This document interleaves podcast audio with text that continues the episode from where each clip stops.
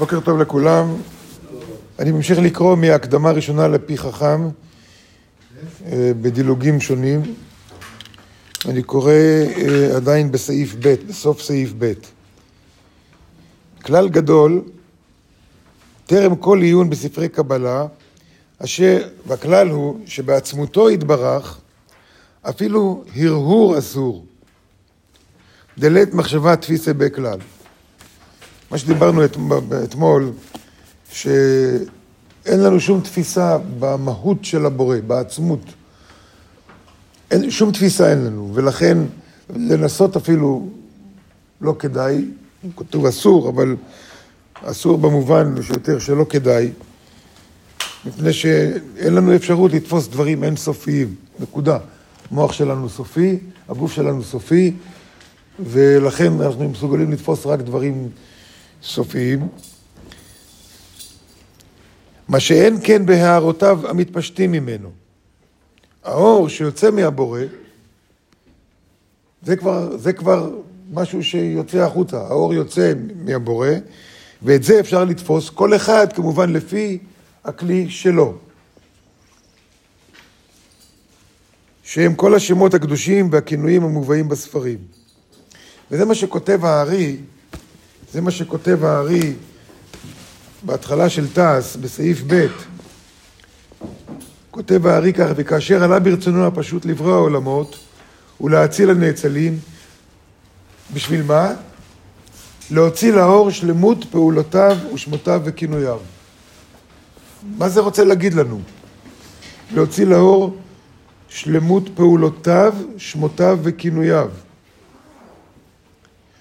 הוא רוצה להגיד לנו שאת האור הבורא כל אחד יכול להשיג, כל אחד יכול לחוות, כל אחד לפי הכלי שלו, וכל חוויה שאנחנו חווים, יש לה שם. כי אני תופס אותה, אני מרגיש אותה. אני חווה חוויה, מבחינתי, אני תפסתי עכשיו משהו. לכן קוראים לזה השגה או תפיסה. וכל אחד, מה שאתה חווה, כל אחד לפי הדרגה שלו, כל אחד לפי היכולת שלו.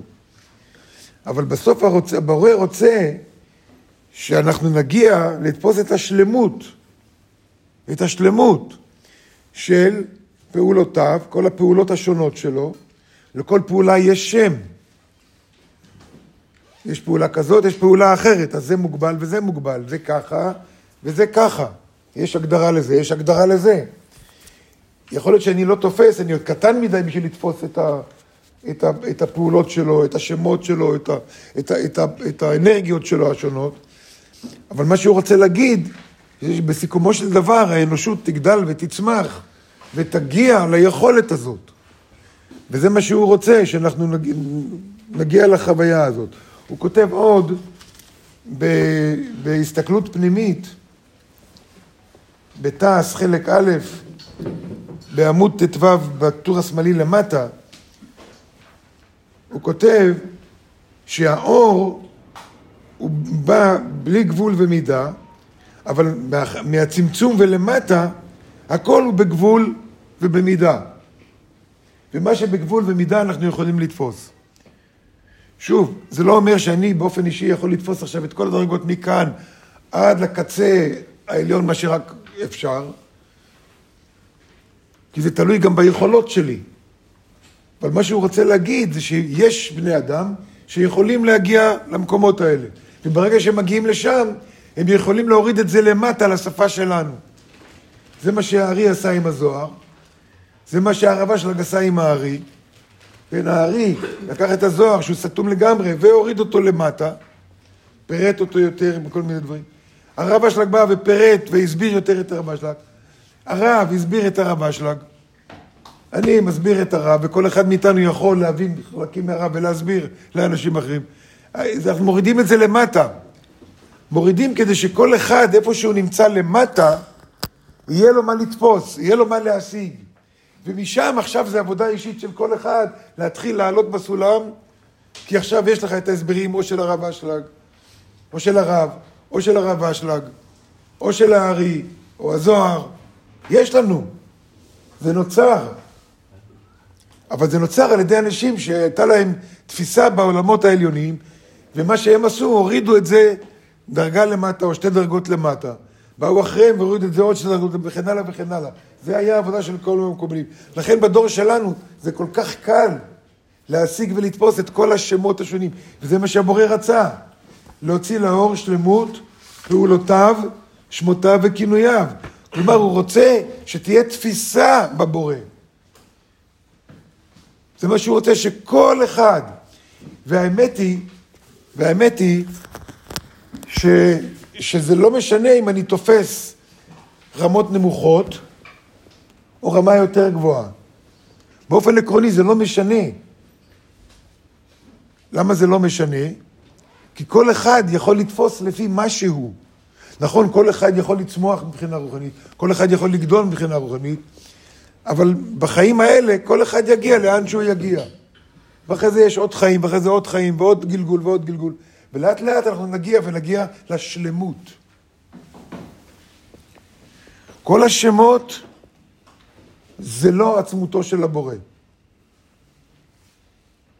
האור שיוצא משם, זה מתחיל להיות זה. ולכן הוא אומר כאן, כל השמות הקדושים והכינויים המובאים בספרים, אני חזרתי עכשיו להקדמה פי חכם.